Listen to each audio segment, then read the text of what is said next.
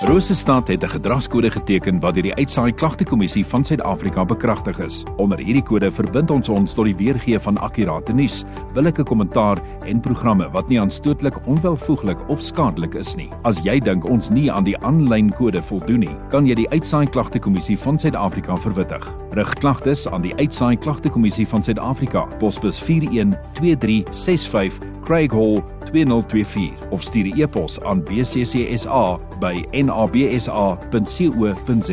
Vir verdere inligting, besoek www.bccsa.co.za.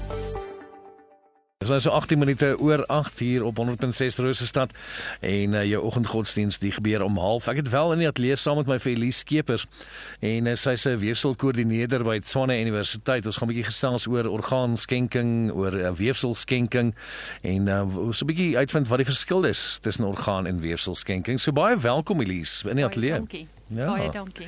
Kom ons begin dadelik sommer by daai vraag. Ek bedoel ek het vir ons uh, vroeër daarvan vertel ook Is daar 'n verskil tussen die twee, tussen organe en eh, tussen weefsel, die en die skenkingsproses? Ja, daar's 'n baie groot verskil tussen orgaan en weefselskenking en dit is baie belangrik dat mense bewus is daarvan. Want baie mense dink dat ek is 'n orgaanskenker en dan sterf hulle dalk nie in die, in die omstandighede waar organe geskenk kan word nie en dan is hulle nie bewus van die feit dat hulle weefsel nog steeds kan skenk nie. So die groot verskil is dat tydens orgaanskenking moet jy breindood binne 'n hospitaal wees. So jou organe moet ek wil amper sê aan die lewe gehou word met bloed en suurstofvoorsiening. En as ons dan kyk na watter organe geskenk kan word, is dit jou hart, jou twee longe, jou niere, jou pankreas en jou lewer. En wanneer iemand dan nou alreeds oorlede is, so ek sterf dalk by die huis aan 'n aan 'n hartaanval of ek is 'n diabetes en ek sterk gesterf as gevolg van diabetes, dan kan ek nog steeds weefsel skenk. En onder weefsel val dan jou korneas, vel, skeletale been en hartkleppe. So wanneer iemand wanneer iemand sterf, 'n um, breindood, kan hulle dan organe skenk sowel as weefsel, maar wanneer iemand reeds oorlede is en die liggaam dan alreeds by begrafnisondernemer is, dan kan weefsel geskenk word. En dit is ook die rede hoekom hoekom daar so min orgaanskenkers is, want ja. baie min van ons gaan in die regte omstandighede sterf of breindood wees eers sodat ons organe kan herwin en geskenk word. So wie kan skenk? Eintlik kan ons almal dan skenk. Ja. So as ons dink aan weefsel, kan regtig almal van ons skenk. Ehm um, ons kan hartkleppe kan byvoorbeeld vanaf babetjies van 6 maande geneem word en dan kan ehm um, skeletale been by mans tot 80 en vrouens tot 75 en as ons dan kyk na mense wat heupvervangings het, hulle kan daai femur kop wat verwyder word kan ook geskenk word. Okay. En dit kan gedoen word tot op 90 jarige ouderdom. So.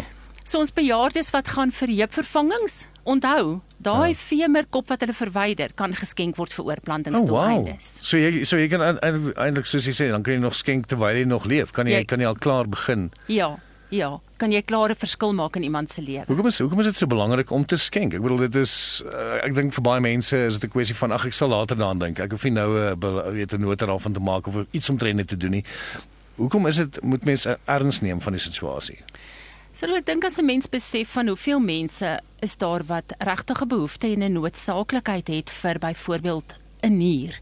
As ons kyk hoeveel pasiënte is op dialyse wat elke dag van die week dialyse ontvang en hulle hele lewe kan verander as hulle dan 'n oorplanting gekry het. Net soos daar baie mense wat wat wag vir 'n longoorplanting.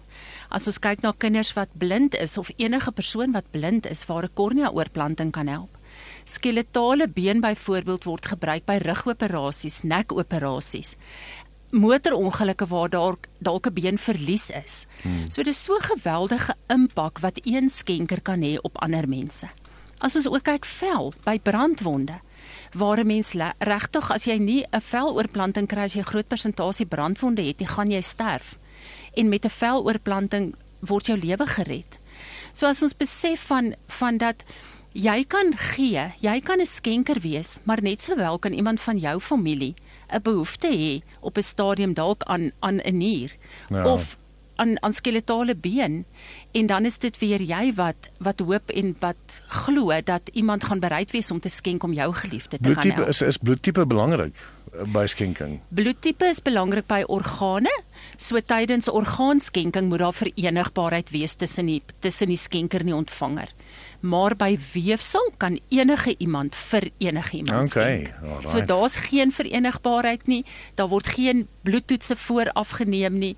Alle toetse wat gedoen word, word eers gedoen na afsterwe. Elise Skeepers weefselkoördineerder by Tshwane Universiteit wat so 'n bietjie by ons kuier en uh, ons gaan so 'n bietjie na Bad Boys Blue luister as ons terugkom.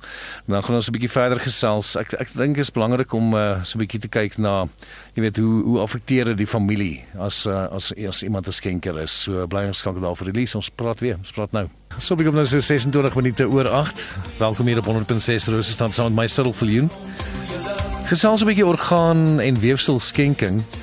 Sy is pas ingeskakel het ek gesels met Elise Skeepers.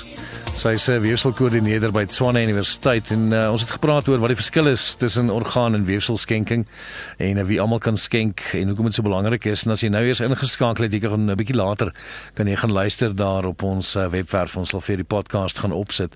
Maar uh, Elise, ek dink die belangrike ding wat ek wat ek so half mee wil afsluit vanmôre terwyl ons 'n bietjie gesels is uh jy weet ons weet nou hoekom ons dit moet doen en uh wat die verskille is. Maar jy weet hoe doen mense dit? Ek dink dis dis nou so 'n vraag en ons het nou so half van die lig af gepraat wat jy gesê het, jy weet al sê ek ek wil organe skenk of weefsel skenk, moet die familie nog steeds toestemming gee. So kan jy eens 'n bietjie uitbrei oor hoe werk hierdie proses? Ek sê altyd die belangrikste is dat gesels met jou familie daaroor. Dis maar 'n onderwerp wat ons almal vermy want 'n mens dink, ehm um, jy weet dis nog ver in die toekoms, maar as ons nou kyk na na die hoeveelheid mense en jong mense wat sterf, dan besef 'n mens hoe belangrik dit is om regtig oor hierdie onderwerp te praat met 'n mens se familie. Jy moet seker maak dat jou familie weet hoe voel jy oor skenking. Want wanneer jy die dag sterf, natuurlik of onnatuurlik, watter ouderdom ook al, moet jou familie nog steeds toestemming gee vir skenking. So as jy registreer, ons beveel of ons versoek mense om te gaan registreer by audf.org.za want dan kry hulle 'n rooi organ donor stiekertjie, hulle kry 'n kaartjie wat hulle kan voltooi en daardie rooi plakkertjie wat hulle op hulle identiteitsdokument plak, praat dan namens hulle. Want in 'n oomblik waar waar iemand onverwags sterf, dink familie nie aan skenking nie. En hulle ont, hulle vergeet dalk dat dit was hierdie persoon se se wens om 'n skenker te kan wees. So dis baie belangrik om te gaan registreer. Maar ja, soos ek gesê het, baie belangrik dat jou familie weet. Dis wat jy wil doen, want hulle gaan nog steeds moet toestemming gee daaroor. So ons vra regtig vir die mense, gesels met jou geliefdes, vind uit hoe hulle voel daaroor en respekteer die wat wil skenk en dink regtig aan die verskil wat jy kan maak in soveel mense se lewens. Want niemand van ons of om 'n verskil in iemand se lewe te maak of ons nie ryk of slim of mooi te wees nie. Ons moet net omgee. Hmm. Ons moet net omgee vir die, vir die mense wat agterbly en iets van dit wat ons nie meer nodig het nie, vir hulle skenk om 'n verskil in hulle lewens te maak en om hulle lewens te kan red met 'n orgaanoorplanting. Definitief. Ek sit nou ook en dink, jy weet, as mense uh, sê maar byvoorbeeld so 'n bietjie wik en weeg oor of hulle nou moet skenk of nie moet skenk nie. Jy het ook gesê op julle Facebookblad is daar ook gevalle waar waar mense wat geskenk het wel hulle storie vertel en bietjie meer uitbrei daaroor. Um, ja. Kan die ouens bietjie daar gaan lees? Is daar ander leeswerk wat die ouens kan doen? Ja, asseblief, gaan kyk by tissuedonation.org.za. Dit is spesifiek die Weefselbank se se webwerf en dan ook Tissue Donation South Africa is 'n Facebookblad waar daar baie inligting is oor oor families wat al reeds geskenk het, oor wat geskenk kan word en oor die impak wat dit maak in mense se lewens. Presies, want ek bedoel mense mense bly mense het nog steeds emosies wat jy wat jy deurgaan en So ja, om om ja. te kyk na ander mense se stories kan partykeer vir jou net daai daai ding wees wat jy wat jy laat oorgaan en sê ja. maar okay, ek gaan dit ook ja. doen. En besef wat se impak dit het op jou rouproses en hoe om dit te verwerk. En dan kan mense my enige tyd skakel. Ehm um, kan ek my nommer ja, gee? Ja, jy is meer as welkom. Dis 082 4117 109 vir enige vrae kan enigiemand my skakel. Elise, hoorie baie dankie vir die inkom. Baie dankie vir die werk wat jy doen en vir die woord wat jy versprei. Dis amazing. Hoor, dankie. Baie dankie. Hier is ons skakel op 100.6 Rosestad hierdie skepers weefselkoördineerder by Tshwane Universiteit. So as jy nou 'n nommer vinnig vinnig genoeg kon afskryf nie, as ek baie seker jy kan uh, sommer die universiteit ook bel. Dan behoort vir jou uh, in kontak met haar te bring.